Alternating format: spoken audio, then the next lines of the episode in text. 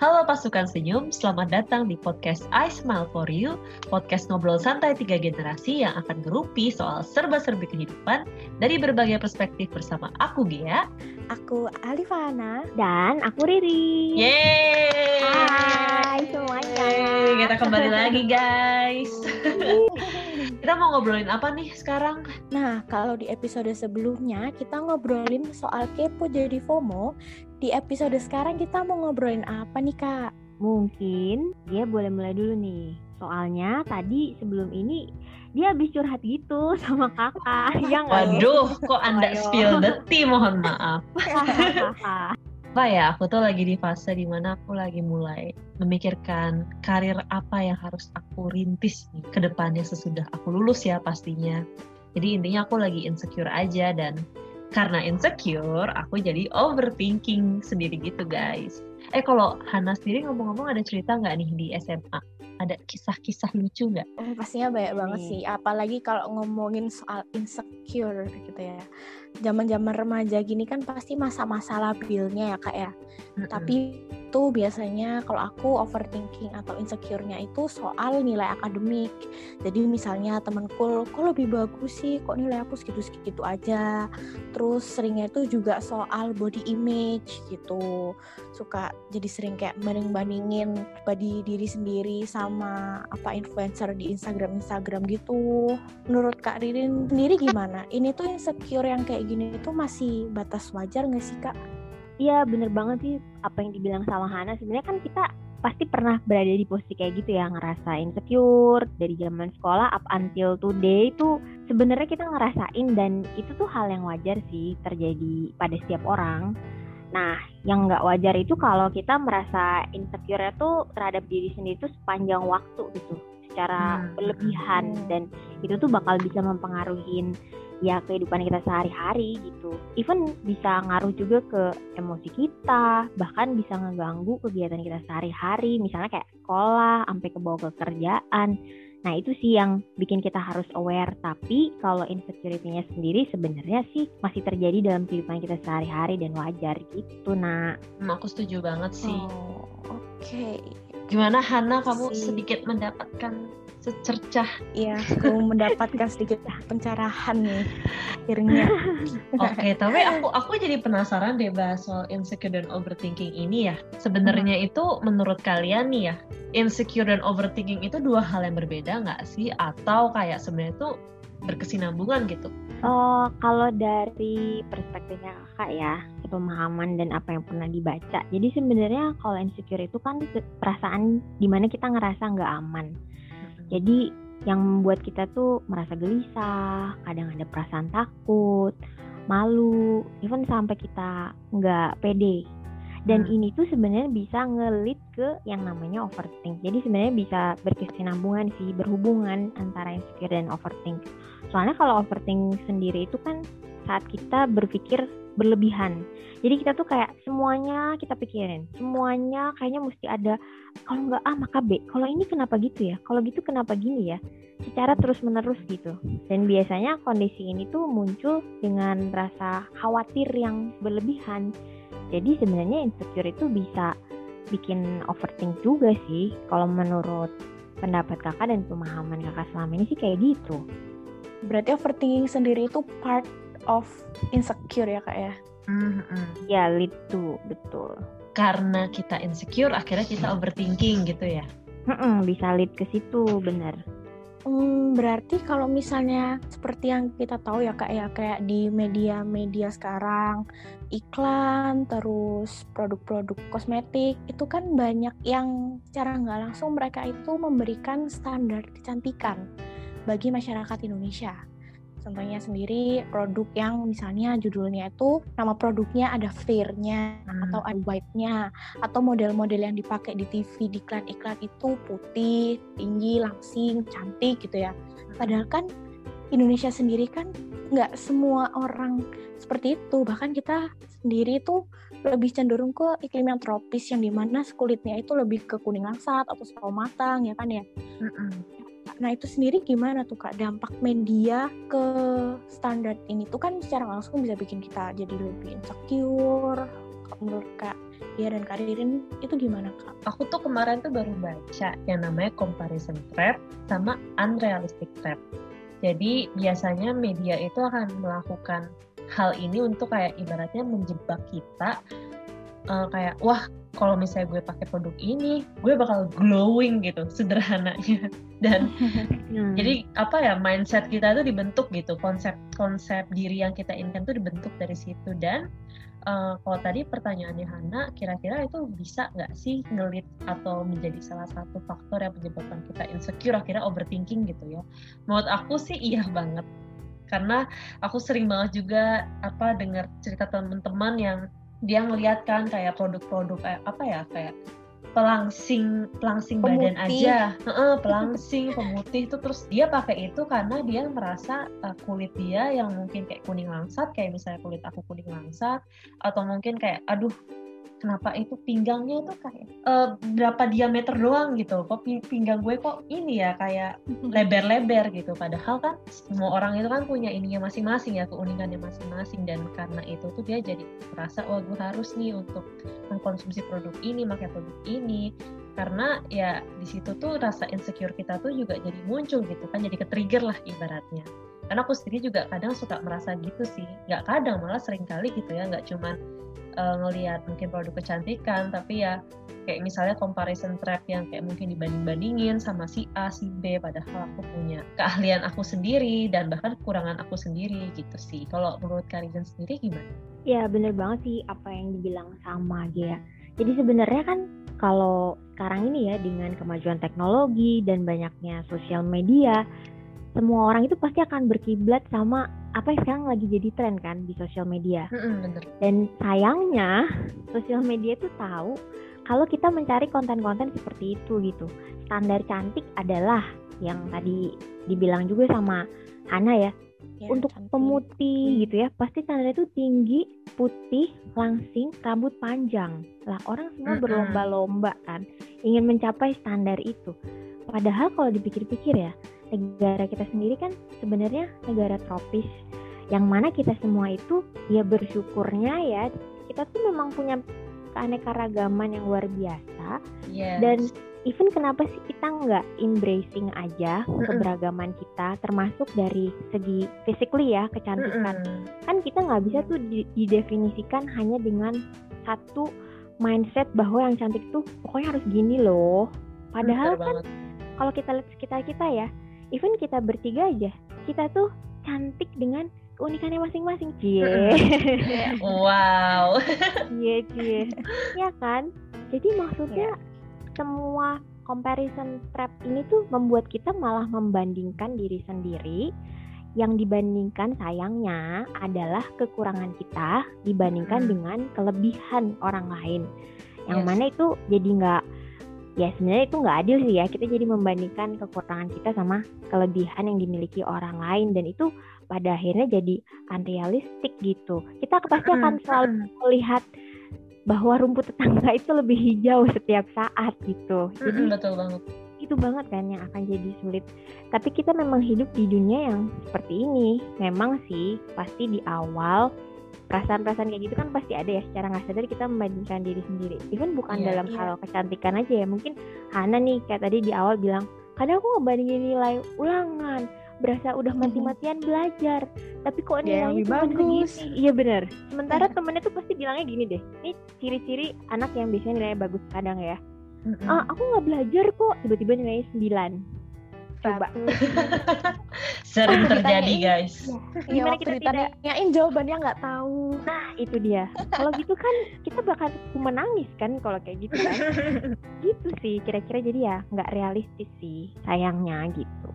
Hmm, aku juga jadi kayak punya pemikiran kalau ya standar kecantikan atau standar-standar yang diterapkan orang kita gitu yang ibaratnya itu udah sebenarnya di luar kontrol kita itu kayak ya fisik itu kan juga ada hormon, ada genetik gitu ya. Itu kan di luar kontrol kita gitu kan. Betul. Jadi ibaratnya tuh ya standar-standar itu tuh kayak ilusi aja sebenarnya ilusi yang karena selalu ditanamkan ke kita akhirnya lama kelamaan itu jadi terasa seperti realita gitu padahal sebenarnya enggak gitu kan Oh ya, terus aku jadi penasaran sih kayak tadi kan Karirin mention tuh kayak ada tuh uh, murid mungkin yang dia nggak belajar terus kayak terlihat galau eh tahu-tahu dapat 9 gitu ya. Sementara hmm. kita yang mungkin kayak udah ngafalin SKS eh tiba-tiba cuma dapat KKM atau enggak yeah. ya di bawah KKM gitu remedial. Nah, hmm. kan Karirin ini kan guru kan ya. Eh. Yeah. Tahu kan aku kamu tuh cenayang oh, kak. Oh, nggak deh. Ya. ya jadi kan Karirin kan guru gitu. Dari perspektif seorang guru nih, kan pasti banyak banget ya comparison trap ataupun hmm. unrealistic trap yang mungkin terjadi di lingkungan pendidikan atau sekolah. Dan mungkin Hana juga tadi kan sempat mention masalah nilai akademik segala macam kan. Nah, kalau dari perspektif seorang guru sendiri itu gimana gitu tentang segala macam perbandingan nilai akademik, terus padahal setiap murid itu sebenarnya punya potensi dan keunikannya masing-masing. Betul. Jadi sebenarnya itu adalah hal yang maksudnya benar-benar nyata terjadi di sekitar kita. Dan even waktu kita jadi murid pun pasti kita mengalami ini kan. Kecenderungan kita untuk membandingkan terutama dalam hal akademik orang-orang yang prestasinya itu di atas kita. Hmm. dan kita merasa kayak kok aku ketinggalan banget ya? Karena sempat ngajak ngobrol beberapa murid juga kalau mereka curhat kayaknya capek nih ya harus mencapai ekspektasi. Kadang mereka pasang standar sendiri, ada juga yang terkadang mungkin orang tuanya memproyek kalau kamu tuh nilainya harus sekian sekian sekian. Dengan bertambahnya beban itu di pundak mereka tuh mereka jadi tambah stres juga memikirkan dan tambah insecure bahwa wah kalau nggak mencapai ya kan? Kalau nggak mencapai iya.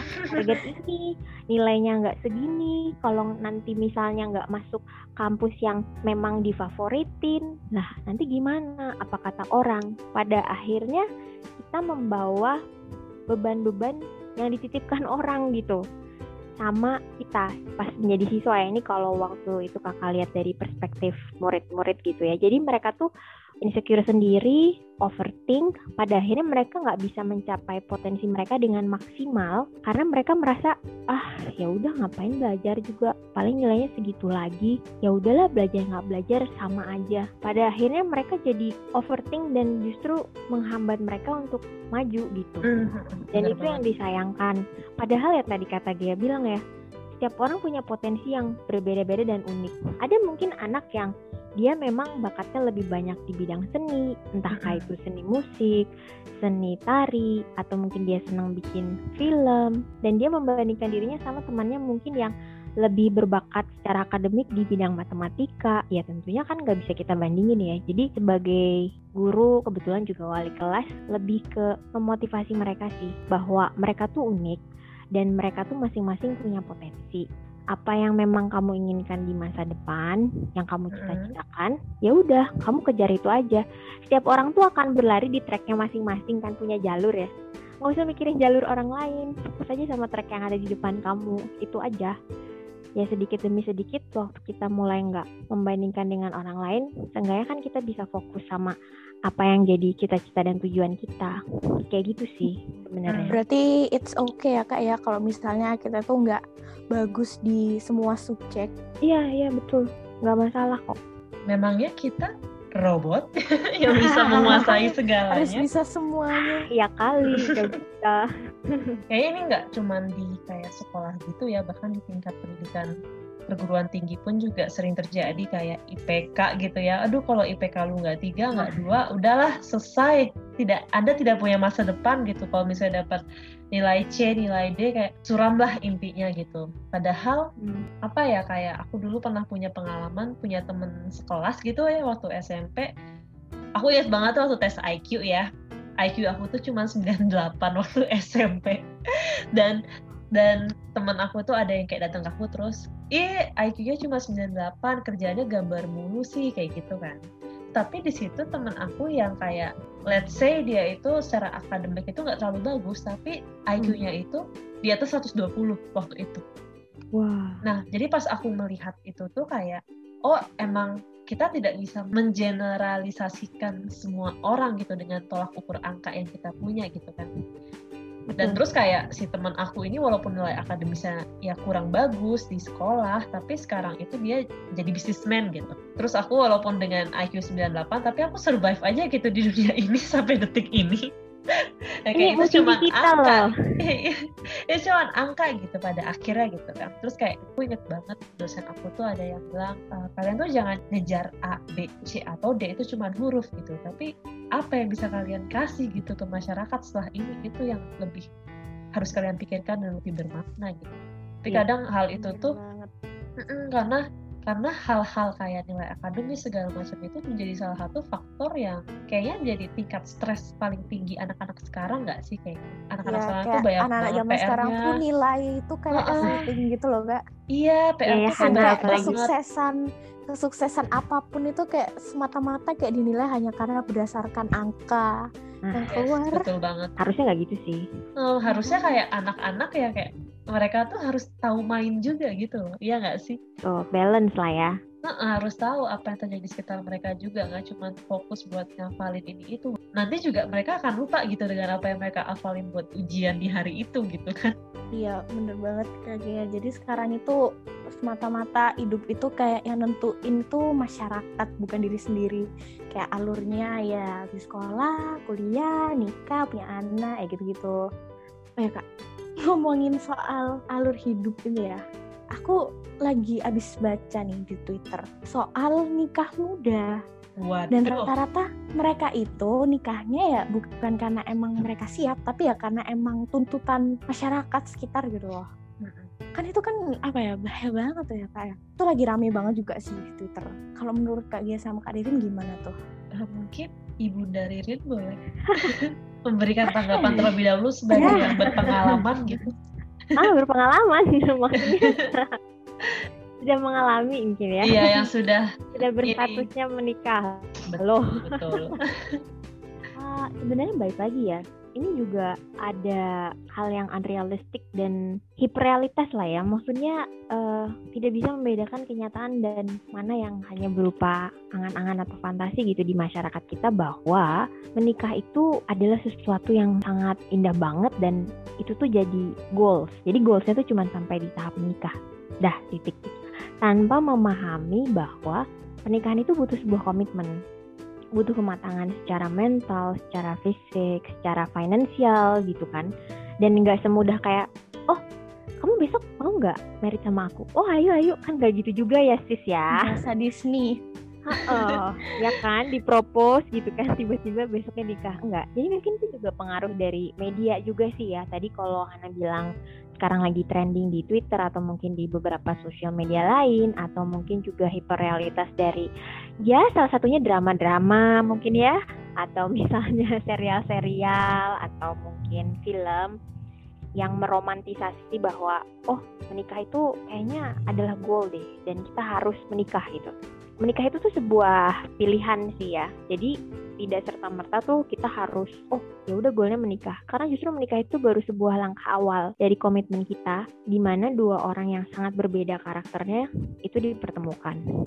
Jadi kalau misalnya kita balik lagi melihat sayangnya nih ya, stigma di masyarakat itu tuh akan mengukur keberhasilan seseorang dari apa yang tadi dibilang Hana ya. Abis lulus kuliah terus kerja. Abis kerja ditanya lagi kapan nikah? Nanti orangnya udah nikah kapan ditanya lagi. Iya. Udah punya anak satu tadi ditanya lagi kamu punya anak dua? Eh ngomong-ngomong bapak ibu emang mau ikut ngebiayain gitu. Nah ya?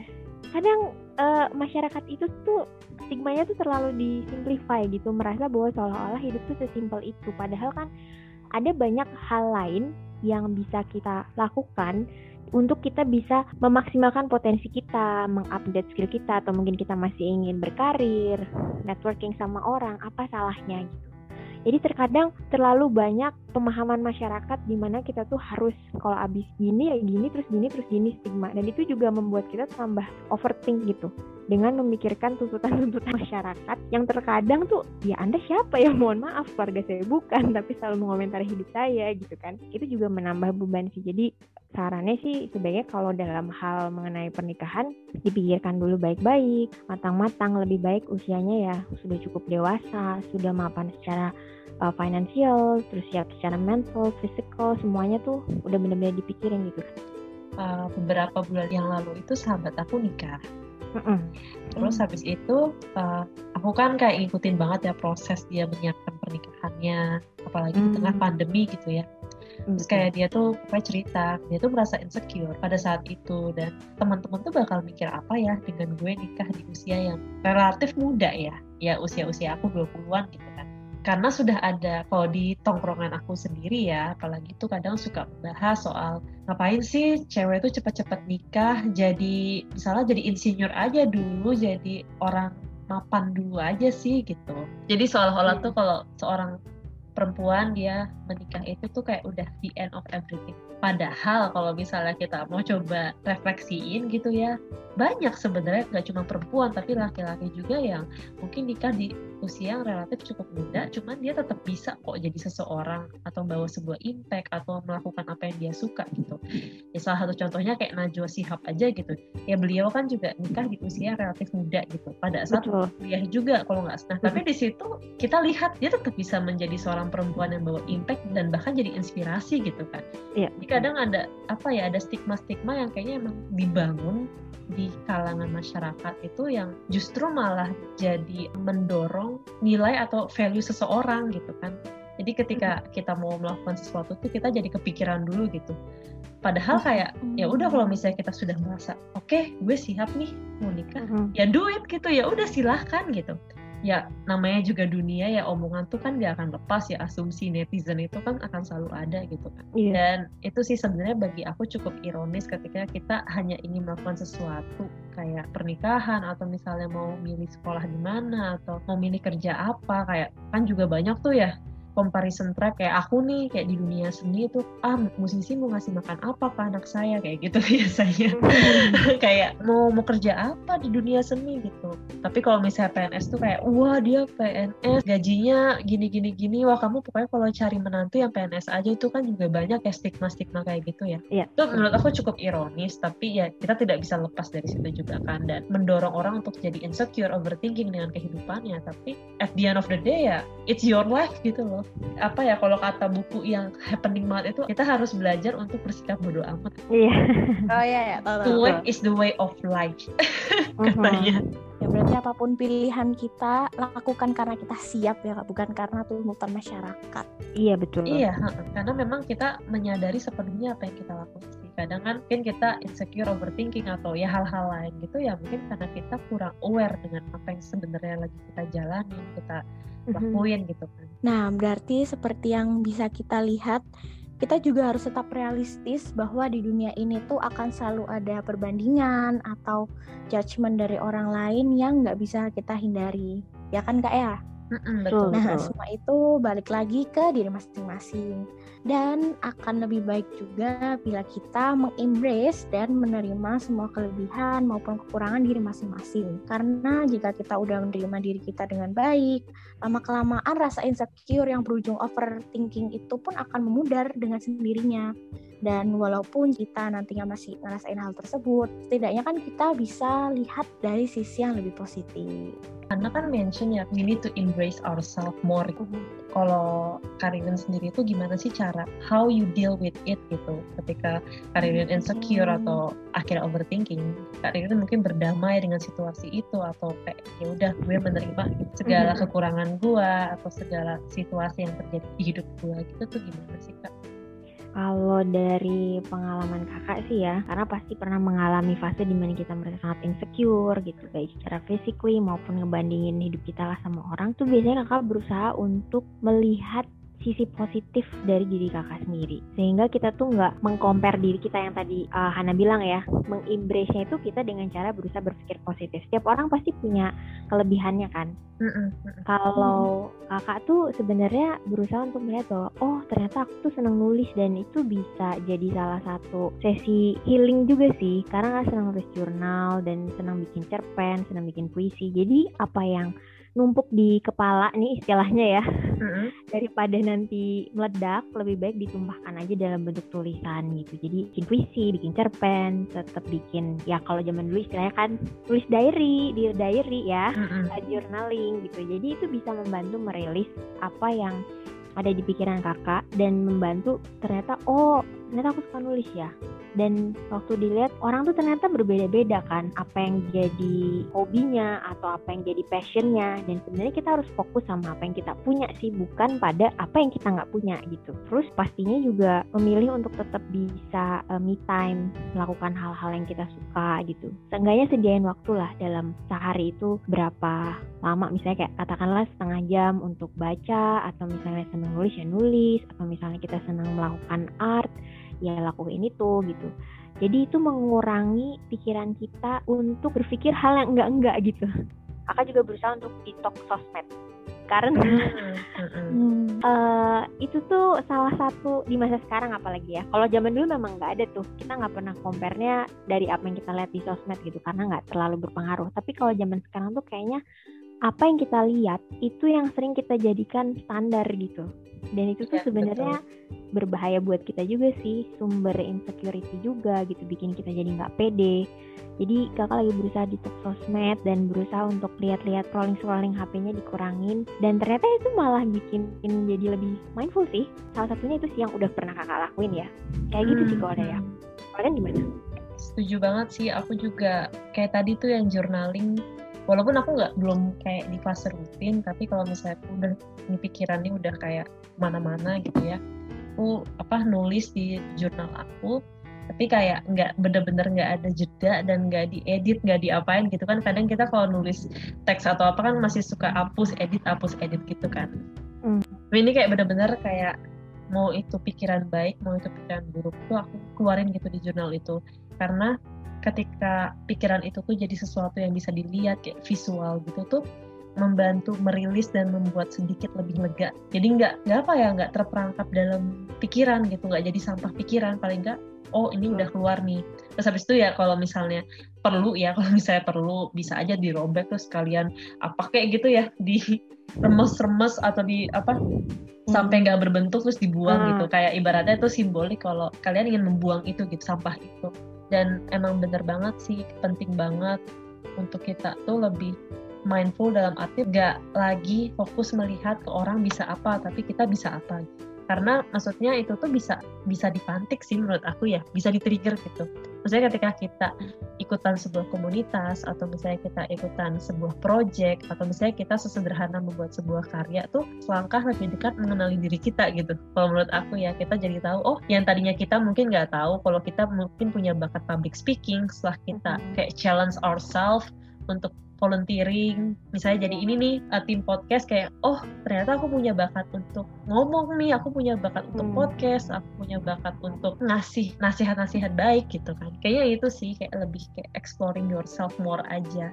Karena insecure itu menurut aku kan selalu ada gitu di diri setiap orang. Ya. karena kan kita hidup di tengah ketidakpastian ya.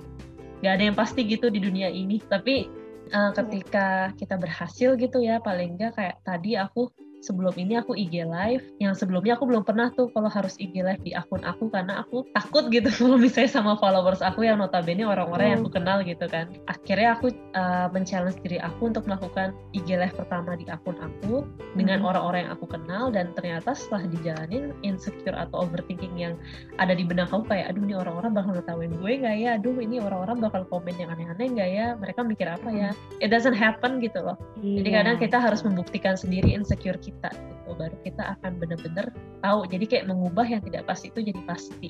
Kalau Hana sendiri gimana Hana? Hmm, ya betul banget sih katanya kayak tadi. Insecure itu wajar banget dan tapi ya jangan sampai kita itu membenci diri sendiri atas kekurangan yang kita miliki hanya karena ya kita lihat kelebihan orang lain oh ya dan juga itu kak. Uh, jangan sampai kita tuh kayak terlalu terpatok sama standar keetikan atau stigma masyarakat yang ada. Karena ya setiap manusia itu unik dengan kelebihannya masing-masing dan kekurangannya masing-masing. Just ya fokus and be the best version of yourself aja sih. Mantap. Setuju. Oh benar banget sih tadi apa yang dibilang sama Hana setuju banget. Juga apa yang di-sharingin sama Gia sebenarnya menarik banget sih ya diskusi kita hari ini dan kita jadi belajar sih bahwa insecurity itu sebenarnya hal yang wajar terjadi dalam hidup dan kita semua pasti pernah mengalami itu. Dan yang mesti kita aware adalah saat kita merasa insecure berlebihan, sampai kita terus memikirkan itu dan bikin kita jadi overthink dan malah membuat kita jadi nggak menyadari potensi yang kita punya, tapi kita juga tahu bahwa di lingkungan kita tetap ada orang-orang yang akan selalu menjudge kita dengan berbagai macam stigma atau dugaan-dugaan. Ya kita nggak bisa ngerubah itu sih ya, namanya juga hidup bermasyarakat. Tapi yang bisa kita lakukan adalah kita belajar untuk overcoming itu atau yang tadi kita sempat sharingin ya, kita bisa how to cope with the situation, gimana cara kita mengatasi insecure kita dengan cara kita masing-masing. Terus kita belajar embracing diri kita dengan segala kelebihan dan kekurangannya. Karena setiap orang itu unik dan setiap orang itu pasti punya potensi yang bisa berkembang dengan luar biasa gitu. Dan semua orang itu sangat berharga gitu. Jadi kita belajar untuk melihat diri kita sendiri juga dari perspektif yang lebih positif. Kayak gitu sih kalau dari kakak. Oke deh. Aduh ini pembicaraannya menarik oh, banget ya. Keren. hmm, Dan, berasa mendapat pencerahan. Oh, bagus lah kalau gitu. Dan pastinya juga pasukan senyum itu kayaknya pasti relate juga ya apalagi mungkin pas dengerin ini lagi insecure ya semoga bisa memberikan sedikit kelegaan gitu kalau kalian mm -hmm. tuh nggak sendiri gitu kan oh. Oke deh, kalau gitu aku juga mau ingetin nih untuk pasukan senyum kalau uh, I Smile For You itu punya banyak banget event-event yang seru, jadi tetap stay tune dan follow IG-nya, Instagram-nya, biar kalian tuh bisa up to date dengan event-event menarik atau mungkin uh, info-info tips and trick menarik gitu untuk lebih mindful, aware dan juga merawat diri. Boleh banget langsung follow di at I smile for 4 u underscores org.